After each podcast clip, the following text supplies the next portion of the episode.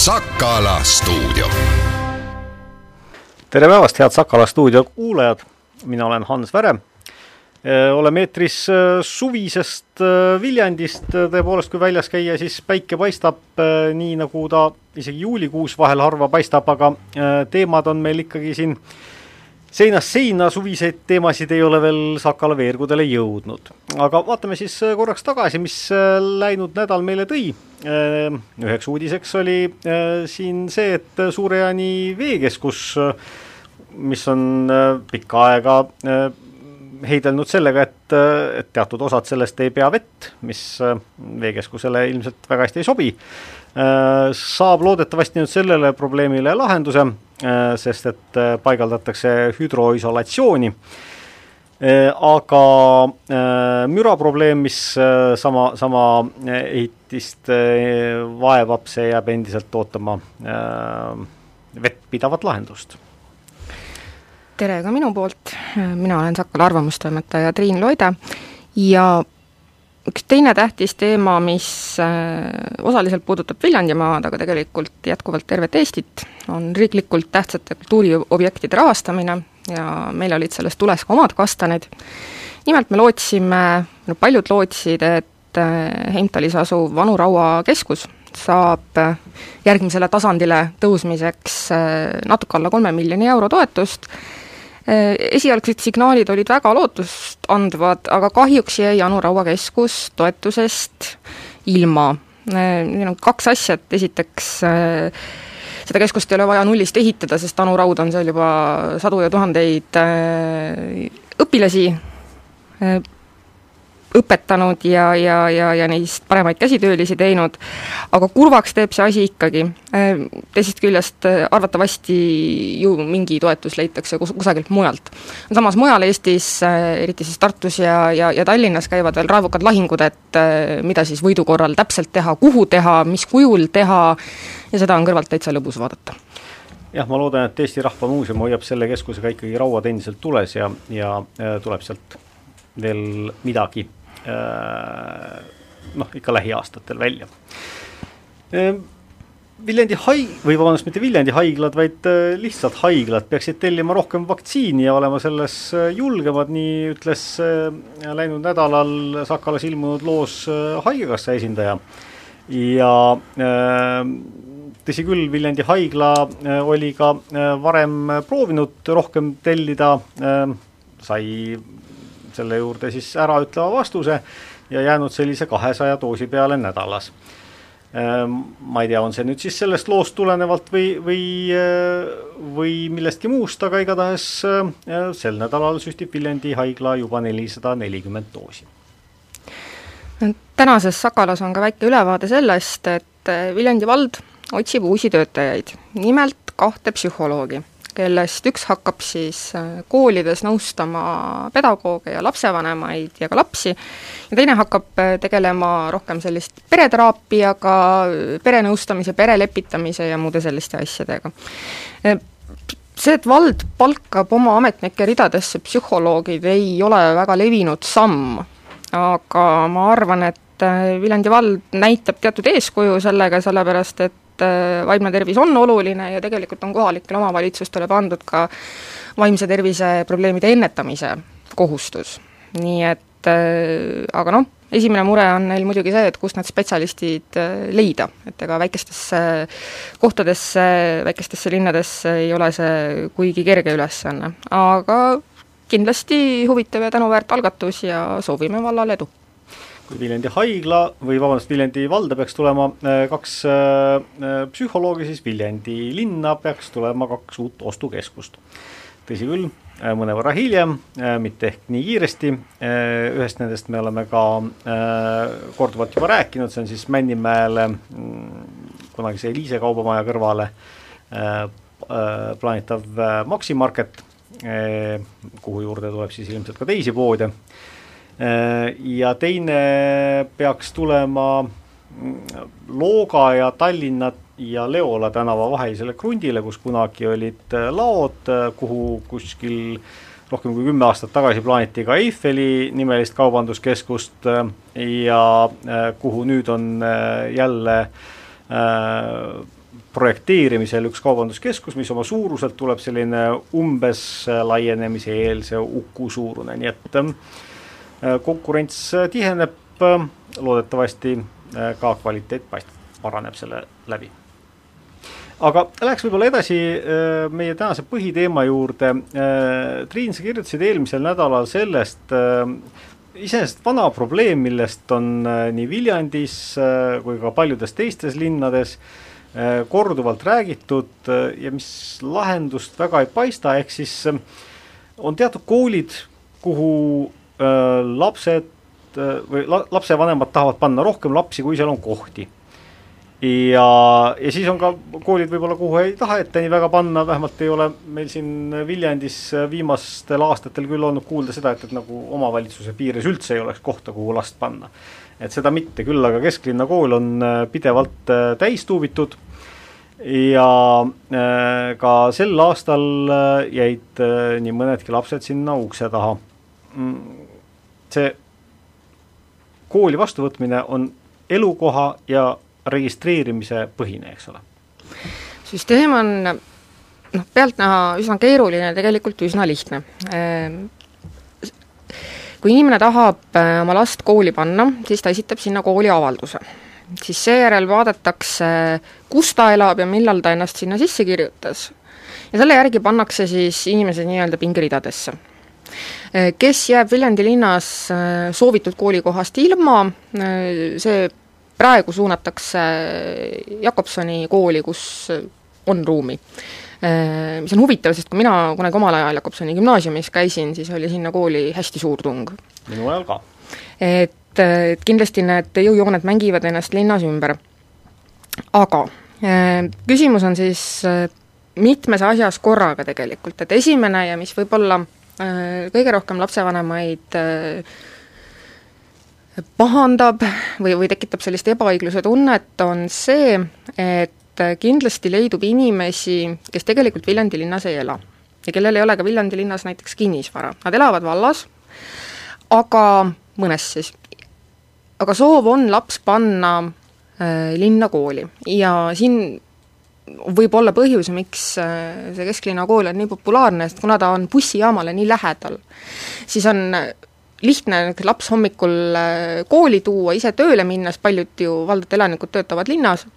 ja pärast koolipäeva lõppu saab laps bussi peale minna ja tagasi koju minna, et nii oli see minu ajal, sest äh, ma olen käinud ka vanas maagümnaasiumis. Täiesti tavaline, et lapsed läksid äh, maakonnaliini bussidele, nii. ma korraks segan vahele, et aga samas Jakobsoni koolis ma mäletan täpselt sama asja, et, et ka sealtpoolt lähevad ju bussid välja, nad peatusid seal üle tee, lapsed läksid peale ja sõitsid siis kuskile sinna Karksi poole või, või kuhu iganes. no täiesti võimalik, no see küsimus on selles, et sealt bussijaamast on ilmselt võimalik kõige hõlpsamini pääseda äh, igale poole maakonda. nii, ja kui sa oled vallaelanik, mõne siis valla, ja sa tahad last linna kooli panna, siis selleks on võimalus, et äh, tänavu esitati valdadest kümme avaldust, et laps panna esimesse klassi Viljandisse ja kõik need lapsed said ka koha, aga siis Jakobsoni koolis. nii ähm, kui aga on mingisuguseid äh, nii-öelda erinõudmiseid või soove, et äh, näiteks töökohale on lähemal Paalalinna kool või noh, mis iganes põhjused võivad olla, ja sul elab sõber linnas, siis on tegelikult üsna lihtne teha, jõuda sõbraga väikesele kokkuleppele, et kuule, et mul läheb laps kahe aasta pärast kooli, et ma kirjutan ennast sinu juurde sisse. Ja, ja, ja siis on mul hõlbus see koolikoht saada. ehk siis fiktiivne sissekirjutus. Ehm, teine probleem on see, et tegelikult ehm, mõjutab äh, seda koolikoha saamist ka see, kus sa Viljandis elad ja, ja ka see, millal sa oled sinna, kus sa elad, sisse kirjutatud. et mina elan paari maja kaugusel kesklinna koolist, aga kui mul oleks laps, kes tahaks sügisel esimesse klassi minna, äh, siis nähtavasti minu laps ei oleks kesklinna kooli saanud, sest mu sissekirjutus on kaksteist ja pool kuud vana mis tähendab seda, et ma peaksin selle asemel, noh, mul on kool põhimõtteliselt maja kõrval, paari maja kaugusel, aga ma peaksin hommikuti võtma lapse, minema Jakobsoni kooli, sealt siis tagasi tulema tööle, noh, ei ole mugav, ütleme niimoodi. Ehm, aga kui inimene on näiteks elanud Paala linnas, miks mitte kümme aastat, korteris või midagi, ja otsustanud, et ta tahab oma elamist Peetri mõisasse või kuskile, et ta kolib sinna, ja siis hakatakse tema sissekirjutusaega vaatama ja see nagu taimer läheb nii-öelda nulli ja sa jääd jälle ilma, nii et äh, lapsevanemad on siis välja käinud idee, et võiks hakata reaalselt kontrollima inimeste sissekirjutust. noh, meil on erinevaid võimalusi, et ei pea ametnik tingimata ju akna taha luurama minema, aga kuludokumendid, kes maksab arved, võimalik, et isegi naabritega rääkida, kuigi see läheb juba natukene kuidas öelda, jäl-, jälitustegevus. jälitustegevuseks, just et see kindlasti kahtlemata aitaks äh, lahendada seda probleemi, et äh, inimesed valdades teevad fiktiivseid sissekirjutusi. aga seda linnasisest koolikohtade jagamise probleemi see tegelikult väga ei, ei aita lahendada ja me ei tea ka, kui palju on neid fiktiivseid sissekirjutusi. võimalik, et neid on palju, võimalik, et tegelikult käib Viljandi koolides ei, miks ta ei aita ka linna, kui me räägime fiktiivsest sissekirjutusest, siis seda ta kas aitab, ma, ma nüüd jätkan sellest äh, teemast eraldi, aga aga siis ta aitab nii, nii nii-öelda paalalinna inimese puhul kui ka, kui ka Viiratsi inimese puhul. Äh, jaa, aga noh, mõte on selles, et me ei tea, palju neid fiktiivseid sissekirjutusi on. seda küll. et kui neid on viis, siis on see üsna väike leevendus, kui neid on viiskümmend näiteks, hoopis teine teema. vot ähm,, linnaga rääkides äh, oldi äh, lapsevanemate mure osas mõistvad ja öeldi, et hakatakse lahendust otsima, milline see lahendus saab olema, mm, keeruline öelda, seal on palju ju-, juriidilisi nüansse, aga no loodetavasti mingisugune lahendus leitakse, sest tegelikult ega see Viljandi nüüd nii väike ka ei ole vot mina ausalt öeldes äh, küll väga ei usu sellesse, sellepärast et esiteks on inimene leidlik, äh, kui ma juba, mul on nii hea tuttav või sugulane, kes nõustub äh, minu last kuskile sisse kirjutama, no siis me lepime ka temaga kokku selles, et, et ma maksan tema eest arved, mis ta mulle edasi saadab või, või mida iganes, eks ole. Teine asi on see, et, et Viljandi linnal ei ole õnnestunud võtta endal siin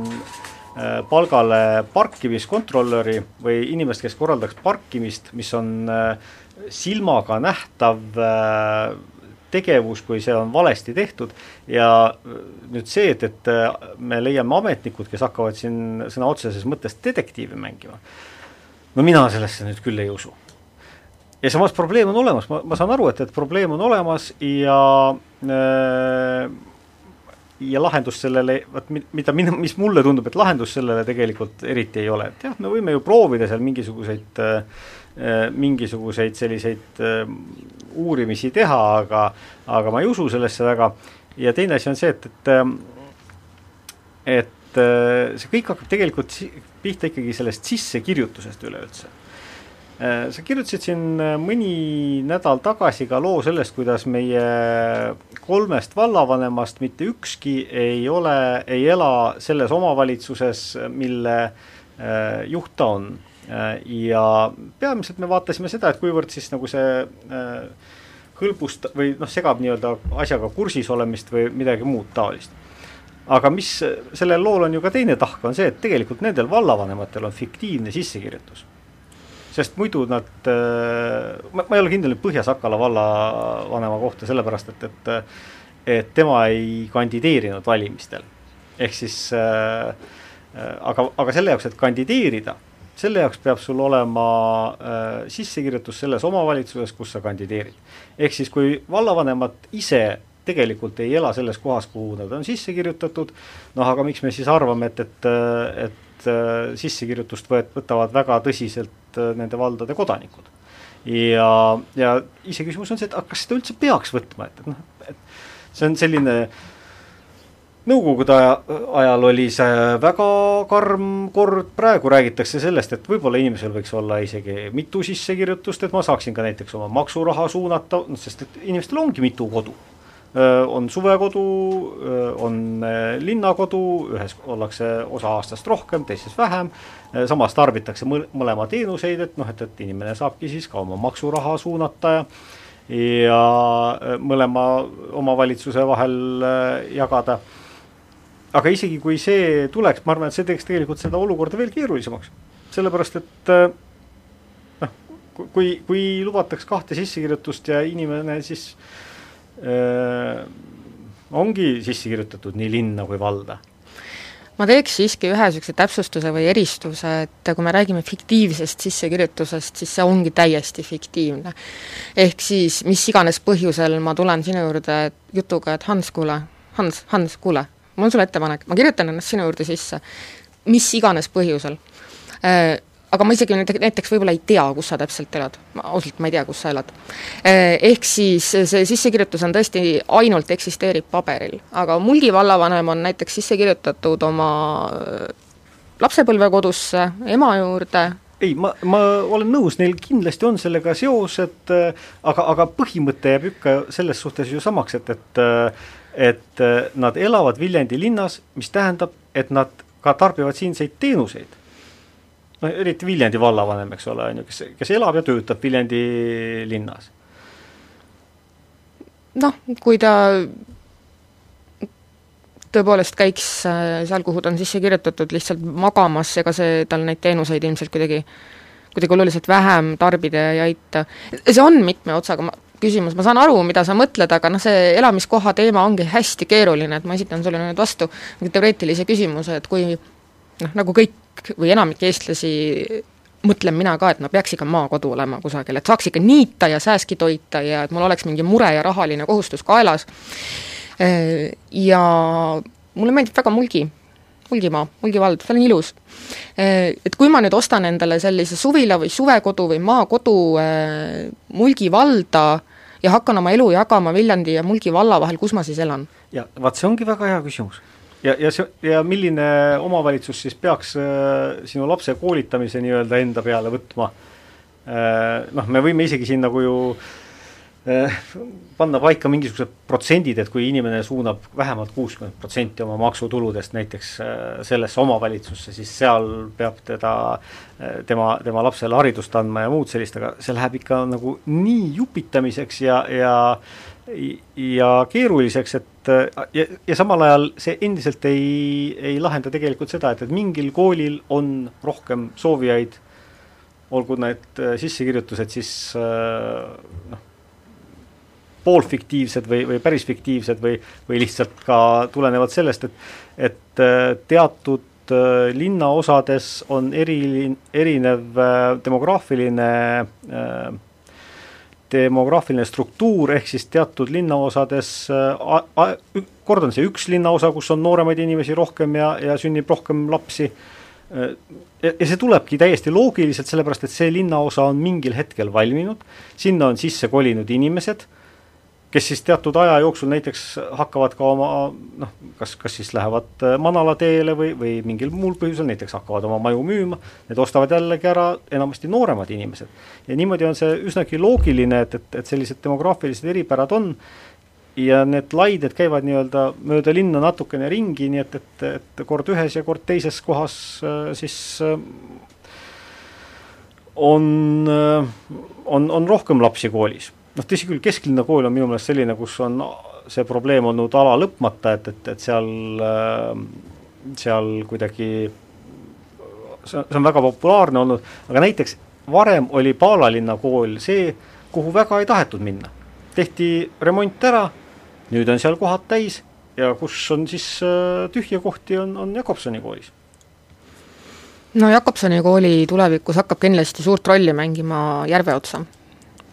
kui see valmis saab ja sinna kolib, palju neid kronte oli, umbes kahesaja ringis, eks ole, kui sinna kolib kakssada peret, oletame, et pooled neist on noored pered, kes hakkavad, äh, ostavadki maja selleks, et hakata lapsi ma kasvatama. isegi, et see on rohkem, see protsent on rohkem noh, oleme pessimistlikud, ütleme pooled. Äh, rikkad vanainimesed, kes lähevad järvevaadet nautima ja siis rikkad noored inimesed, kes lähevad peret kasvatama. ja kõik need lapsed tahavad tõenäoliselt minna ikkagi kodu lähedale, kodu kõrvale Jakobsoni kooli. et see võib aidata natukene, aga noh, teisalt see võib jällegi linna elanikke juurde meelitada, ehk siis probleem jääb täpselt samaks noh jah, see võib ka olla jällegi niimoodi, et, et äh, Jakobsoni kooli on siis äh, suurem tung äh, ja, ja võib-olla nii suur tung, et, et jällegi ei taheta mõnda teise kooli minna. no eks ta suuresti ole see, et mõne asjaga tuleb jah, tõesti leppida, et elu on selline, ei ole midagi teha et üks asi on muidugi ühistransport, äh, mis võiks aidata, aga teisest küljest ikkagi esimese klassi laps, noh, kui ta saaks, kui, kui tal on see võimalus, et ta tuleb jala koju, noh, see on ikkagi väga suur asi. algklasside lastele. nii et äh, Eestis on tegelikult äh, ja ka Viljandis selles suhtes ikkagi väga hea seisukord tegelikult, et äh, meil on äh, üsnagi ühetaoline ja ühetasemeline haridussüsteem, ehk siis ega väga palju seda põhjust, et, et, et ma nüüd kindlasti tahan ühte või teist kooli äh,, ei olegi.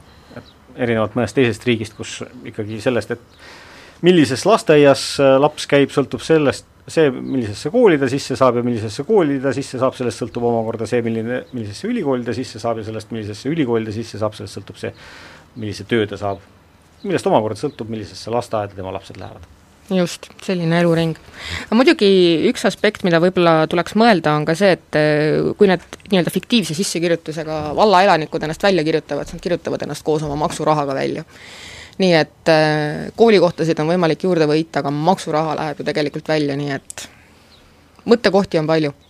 Jah, selles suhtes on äh, tegelikult linnale isegi ju ka need fiktiivsed äh, sissekirjutused kasulikud ja, ja mit-, noh, ma ei, isegi mitte nagu fiktiivsel moel kasulikud, vaid tõepoolest, need lapsed ju ka käivad selle, selle omavalitsuse koolis ja ja seetõttu ka tarbivad siin teenuseid ja noh, sõna otseses mõttes asfaldi kulutamisest äh, alates ja lõpetades siis selleni, et, et et äh, õpetajatele tuleb maksta palgaraha, mis tõsi küll, tuleb riigilt, aga mis äh, noh, seal on palju lisateenuseid ikkagi, mille eest linn peale maksab. aga aitäh, Triin Loide, Sakala arvamustoimetaja, tulemast äh, sellel teemal arutlema, me lähme nüüd uudistepausile ja pärast seda äh, räägime sellest, kuidas äh, avanev ühiskond on mõjutanud muuseumite elu.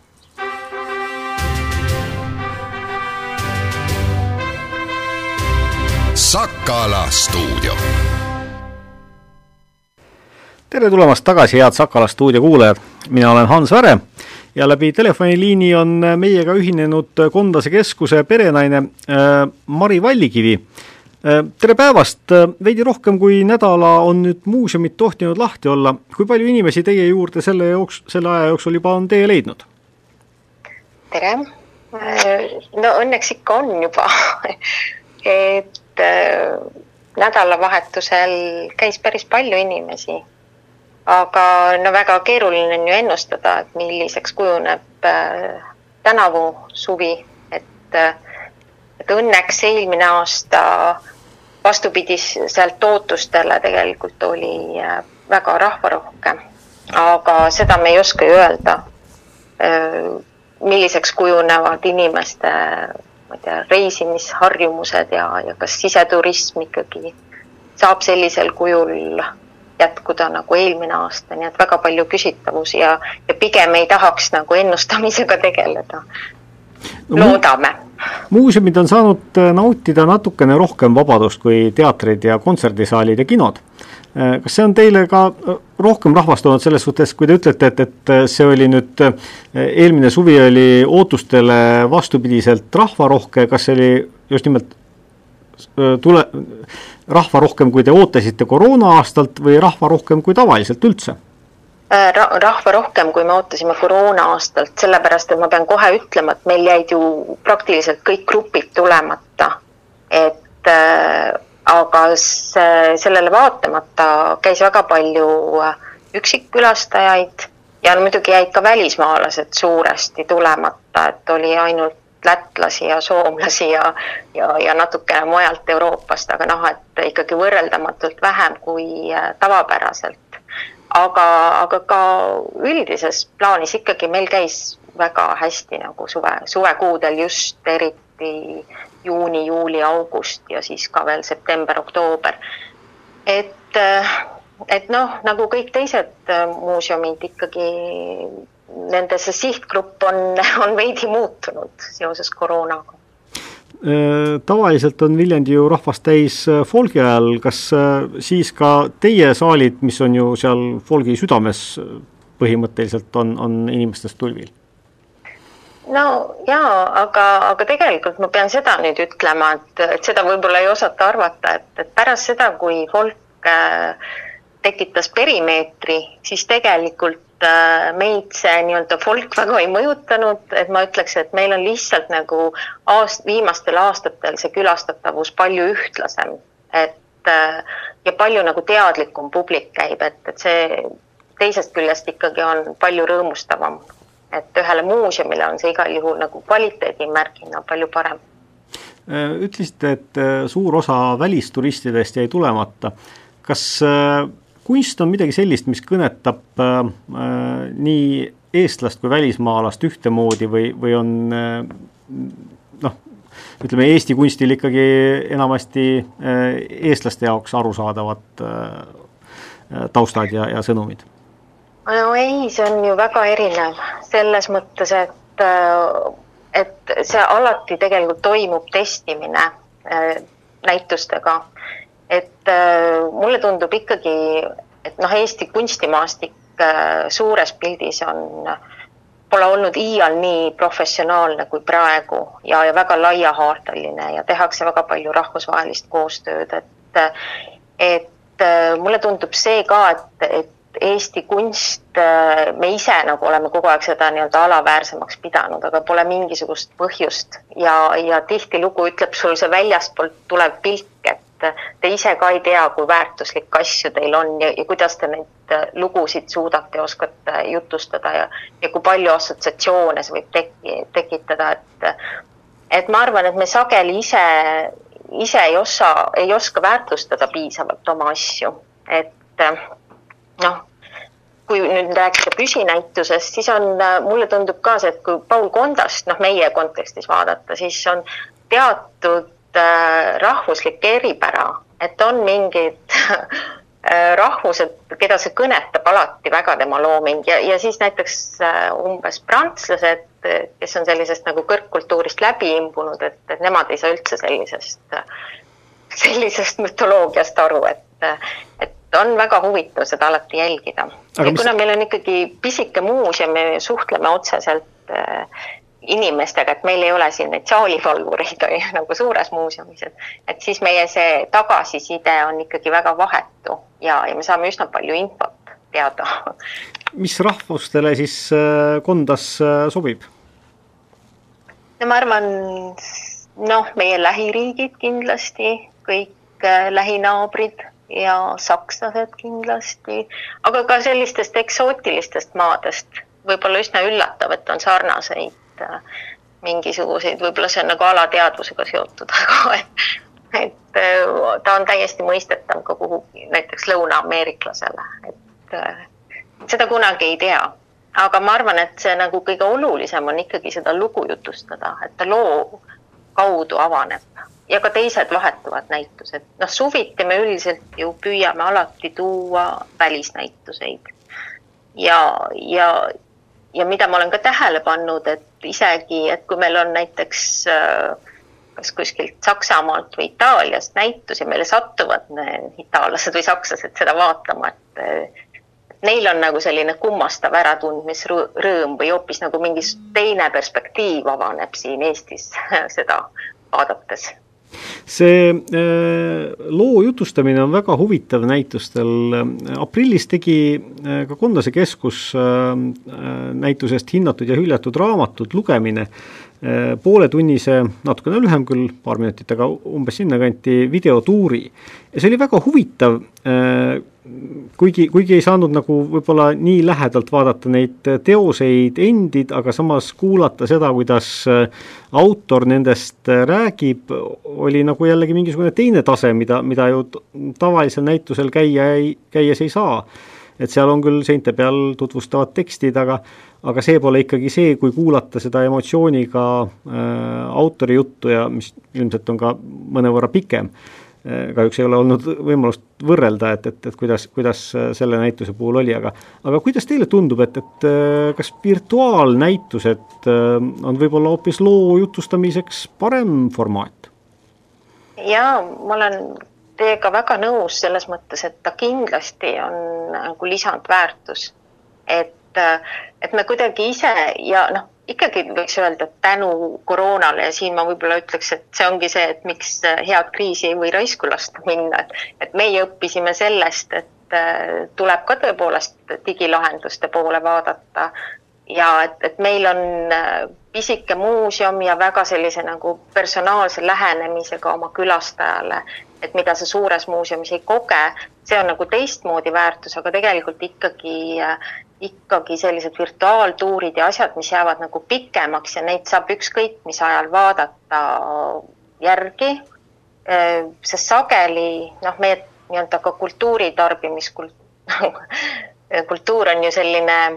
me võtame nagu ampse, eks ju, igalt poolt, et väga kiiresti ja, ja, ja kellelgi ei ole aega õigesti, õieti süveneda, et siis need virtuaaltuurid kindlasti annavad selle võimaluse, et, et sa saad seda järgi vaadata. Ja sa oled käinud näiteks näitusel äh,, aga sul ei ole olnud aega või, või pole tuju süveneda, et igal juhul on see asi, mida me, me kindlasti edaspidi teeme ja tänu kriisile õppisime sellest kuidas see virtuaalnäitus vastu võeti? no ma arvan, väga hästi, väga positiivset tagasisidet oleme kuulnud, sest eh, kohe noh, kui oleks päris naivismiga tegemist, no selles mõttes sellise lihtsa pildi ja lihtsa pildi vaatamisega, siis võib-olla see virtuaaltuur ei ole nii kohane, aga eriti selliste kohaspetsiifiliste projektide puhul, nagu see hüljatud ja hinnatud raamatud on, et, et sealt tegelikult vajab ini-, noh, lisaselgitusi. ta, mõned küll ütlevad tema kaasaegse kunsti puhul, et, et ma tahan ise nagu interpreteerida, et ma ei vaja, vaja kellegi valmis äh, nagu tõdesid, et, et aga, aga seal on see, see tõde on nagu autori oma, et, et see on igal juhul väga objektiivne see virtuaaltuur on teil äh, Youtube'is üleval, kõigile vabalt vaadata. ma natukene äh, läheksin sellise pooleldi majandus äh, osa peale, et, et, et see tähendab seda, et kui te panete näituse interneti vabaks vaatamiseks, siis teil ei tule ka piletitulu. kui suur tähtsus teil üleüldse piletitulus on, kui palju teil aasta jooksul inimesi vaatamas käib ja kui palju nad raha toovad? No meil viimastel aastatel on üle kümne tuhande külastuse, aga, aga minu arust on see nagu maailma praktika, et, et see üks ei välista teist, et tegelikult virtuaaltuurid eh, ei võta külastajaid ära, eh, noh, muidugi sellises situatsioonis, kus me üldse ei saa füüsiliselt liikuda, siis eh, noh, siis meil ei tule ka neid päris külastajaid ja, ja see on võib-olla suur probleem. aga, aga kui need mõlemad on, nii-öelda mõlemad võimalused on inimesel olemas, siis see tegelikult ei, ei ole suur probleem. sest noh, see, see jääb ikkagi, ma arvan, ükskõik, mis meil siin tulevikus ka tulemas on, et tegelikult inimene vajab seda päris kogemust mida te arvate viimasel ajal palju kõneainet pakkunud plokiahela äh, kasutamisest äh, kunsti tegemisel, ehk siis justkui pilt oleks kõigile vabalt vaadatav internetis, aga samas tal on mingisugune kindel omanik ja, ja, ja tema autorlust ei ole võimalik võltsida? jah, noh, eks see on nagu üldse, ma arvan, suurem küsimus, autoriõiguste küsimus, et et äh, ma ei, ma ei oskagi sellest ja ma isegi ei tea, milline see nagu tulevik saab olema, et, et praegu, mm, praegu on Eestis on ju niimoodi, et, et autori, mis on siis autorikaitseühinguga on, on äh,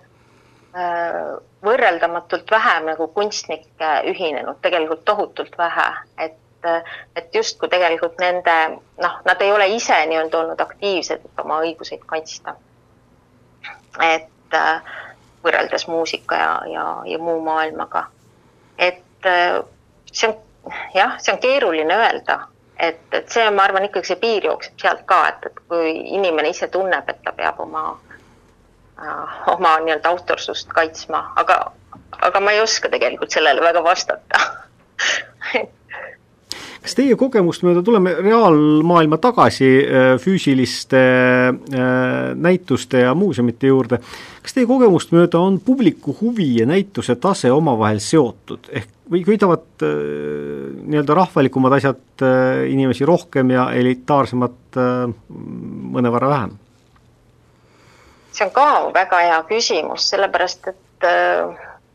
mm,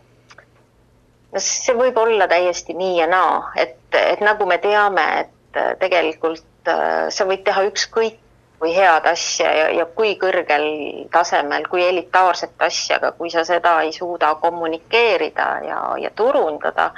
siis tegelikult äh,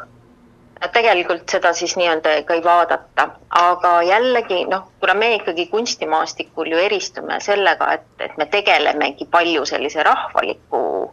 kunstiga, mis äh, mis ei ole ju professionaalne, et meil on küll siin kõike, aga noh, ütleme, et, et kui Eestit tervikuna vaadata, siis keegi äh, sellist fookust ei ole seadnud nagu meie. ja see kogemus jälle siin, see peaaegu viisteist aastat, mis ma siin olen olnud tööl, et ütleb küll seda, et, kui on nagu lihtsamini mõistetavad asjad, siis, äh, siis need on ikkagi sellised tõmbenäitused, et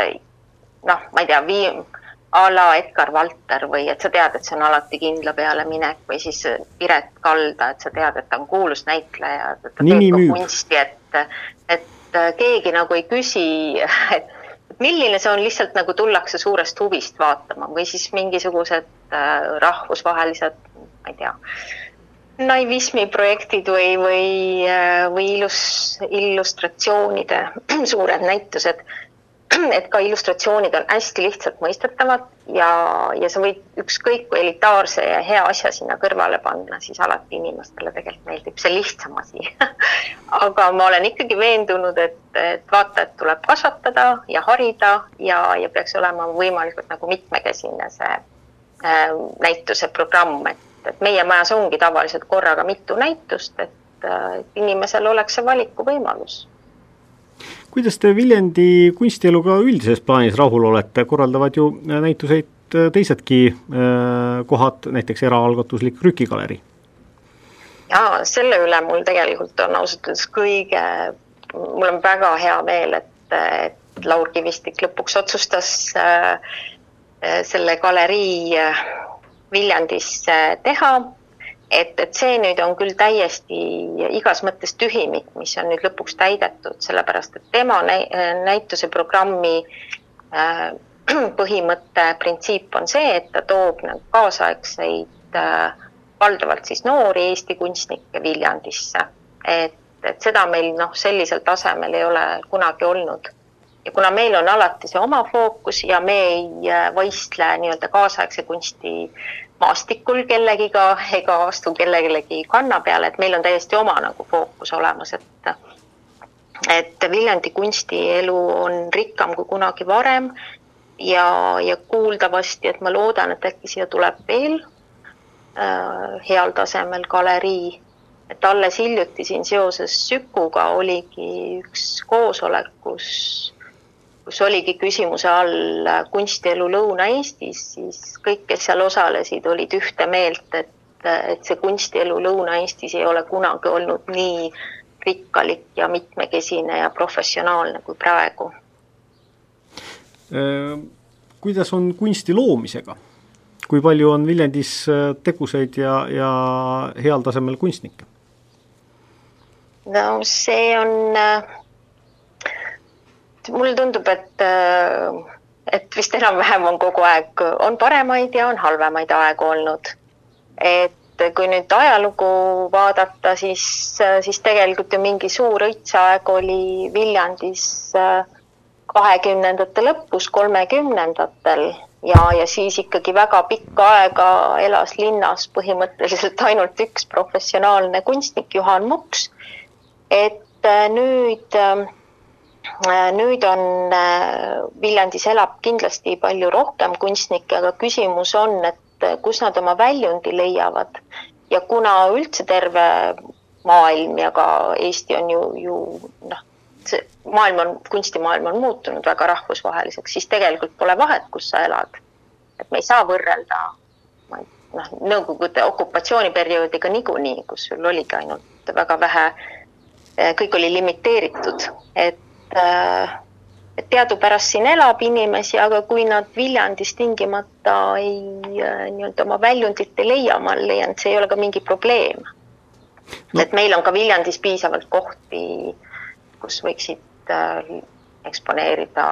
fotograafid ja harrastusfotograafid ja harrastuskunstnikud ja et, et ja, ja suures plaanis võib-olla nagu kuuled igalt poolt kurtmist nii professionaalide kui mitteprofessionaalide seas, et ikkagi on vähe neid kohti. aga samas pole see kunstielu olnud kunagi nii äh, rikkalik kui nüüd. no ka Paul Kundas ei olnud oma eluajal äh, väga kuulus ja tunnustatud, võib-olla on meil siin ka selliseid varjatuid talente, kes ühel hetkel ilmsiks tulevad? no tahaks loota see jaa, muidugi, aga nüüd seoses äh, selliste mitteprofessionaalsete ütleme, väga omapäraste kunstnikega, et et nende leidmine ju tänasel päeval on, on kordades lihtsam kui, kui vanasti, sellepärast et lihtsalt tänasel päeval inimene, kes vähegi midagi teeb, ta tahab ennast juba reklaamida, et see on hämmastav, kuidas äh, kuidas igal harrastuskunstnikul on varsti oma kodulehekülg ja ta müüb kuskil. Ja tegelikult tavainimesel on väga keeruline vahet teha ja ka no ütleme, tasemevahet, et et see kõik on nii segaseks läinud ühe, ühtepidi ja läbi põimunud, et et sa pead olema väga nagu ikkagi haritud ja koolitatud kunstialal, et üldse orienteeruda ka näitusemaastikul no me teame ju hiljutist äh, skanda-, skandaalset juhtumit ka Tallinnast, kus kuulsa kunstniku äh, maali pähe üks äh, suhteliselt tavaline harrastaja pilt oli pandud ja lausa oksjonile ja, ja läks ka asjatundjate pilgu alt esimese hooga läbi. nojah, see on nagu väga kummaline, et ma arvan, et jah, seda oleks pidanud ikkagi aru saama, et jah aga ütleme, et need on need lihtsalt apsakad, mis, mida juhtub ka, eks ju, tegijal juhtub. Pandeemia tõttu on äh, jõudnud kunst ka linnaruumi päris, äh, päris palju rohkem kui tavaliselt, pean siin silmas äh, seda, et, et eelkõige siis kunstikooli õpilaste tööd on pandud välja. kas see võiks olla ka midagi, mis jääb nii-öelda pidama, et, et kunsti nägemiseks ei peagi minema ilmtingimata muuseumi, vaid seda kohtab ka kuskil tänaval, et noh, me oleme ju harjunud nii-öelda selle monumentaalkunstiga, kui ta ei ole just parajasti kasti sisse ära peidetud, aga aga, aga seda, et, et noh, näiteks maali võib näha kuskil tänaval jalutades, seda ju ei ole varem väga kohanud. no Viljandis, mujal maailmas on see väga tavaline praktika, aga no jaa, see on see minu arust suur küsimus praegu üldse kunstiväljal, et kuidas edasi. Ja, ja see on väga kummaline, eks ju, et me jätkuvalt ehitame suuri maju, mida on vaja ülal pidada, mida on vaja sisuga täita. Ja, ja tegelikult on siin maailmas nii palju võimalusi et kuidas, aga noh, ütleme nüüd päris päris, päris ütleme, väärtuslike kunstiteoste linnaruumi viimine ei, ei saa kunagi võimalikuks, sellepärast et, et seal on lihtsalt nii palju erinevaid nõudeid. et äh, sa, isegi meie ei saa kõike siin, mida me tahaks ju eksponeerida, sellepärast et meil ei vasta kõik nagu nendele nõuetele, mis, mida väga kallid kunstiteosed siis vajavad. aga see, et see nii-öelda see kunstielu jõuab inimesele lähemale või kunst jõuab inimesele lähemale, see on igatpidi tervitatav. ja, ja minu arust on siin ainult küsimus fantaasias ja loovuses, et kuidas me seda teeme. et kui nüüd rääkida noh, näiteks tänavakunstis, mis on ju ka selline tõusev trend Eestis, siis, siis kui nüüd Tartut vaadata siis seal tundub, et nagu ei ole varsti enam ühtegi vaba maja seina ega kohta, kuhu midagi ei ole tehtud. et, et mõnes mõttes see linnaruum ka lõpuks seob, seab need piirid, et sa ei saa lõputult nagu noh, sinna midagi teha. aga noh, näiteks selline praktika, mida me oleme, mida me oleme ka mõelnud, et noh, see nii-öelda, kui räägitakse nendest mahajäetud majadest, sellest kottimisest, et, et noh, näiteks, et kunstiteosed sinna viia ajutiselt ja, ja ja, ja selliselt, et kuvada seinte peale, mida natuke on ka tehtud Viljandis ja aga, aga see on jällegi seotud sellega, et see tehnika on väga kallis, et äh, aga ma näiteks väga loodan, et, et see uus ilus väljak, et seal võiks olla aeg-ajalt äh, kihvte näituseid meie esi, esindusväljakul meil on veel äh, natukene pealt minuti jäänud, äh, tahtsin lõpetuseks küsida seda, et olete öelnud, et äh, Kondase keskus on nüüd terve suve avatud, kui igapäevaselt lausa, kui viirus lubab. mitut näitust me näha saame, kui kõik hästi läheb? meil on suvel kolm väga-väga olulist ja suurt ja, ja, ja suure vaevaga saadud näitust Debora Gutmann, kes elab äh, Berliinis ja, ja Tel Avivis, on ametilt Argentiina tangoõpetaja ja, ja siis tema kunstiloomingut, ta on teinud väga erinevaid asju, maale ja joonistusi ja skulptuure ja, ja siidi ja siidi aplikatsioone. Ja siis minu kindlasti üks selline suur lemmik on üks Süüria äh, outsider-kunstnik Damaskusest, kellega ma nüüd olen jõudumööda kaks aastat suhelnud, et lõpuks need tööd on Eestis ja, ja võin kinnitada, et midagi sarnast Eestis varem näidatud pole. ja, ja siis on veel Lätist, Kesk-Lätist eelmise aasta septembris õnnestus meil ära tuua ka ühe väga võrratu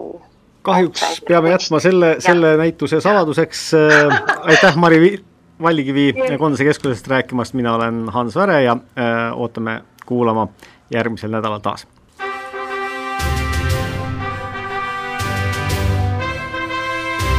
Sakala stuudio